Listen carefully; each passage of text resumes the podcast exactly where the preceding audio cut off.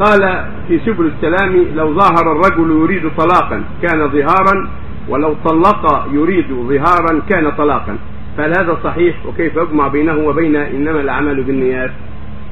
الله جعل الظهار ظهارا كان الجاهلية تجعله طلاقا. والله حكم بأن الظهار ظهار تحريم. وبين في الكفارة سبحانه وتعالى في كتابه الكريم. فلا يجعل طلاقا فإذا قال أنت عليك ظهر امي أو كظهر أختي أو بنتي فإنه ظهار ولو نواه طلاقا بل هو ظهار كما شرع الله ضد أعمال الجاهلية. فأبطل الله معنى الجاهلية فيكون له حكم الظهار وعليه الكفارة. وهي عتق رغبة فإن عجل صام سنة متتابعين فإن عجل أطعم ستين مسكينا قبل أن يمسها. أما إذا قال أنت طالق وله الظهار ما يصير ظهار لأن يعني هذا ما يدعى الظهار أنت طالق لفظ صريح الطلاق. فلا ينتقل عن صريح الطلاق إلى معنى آخر.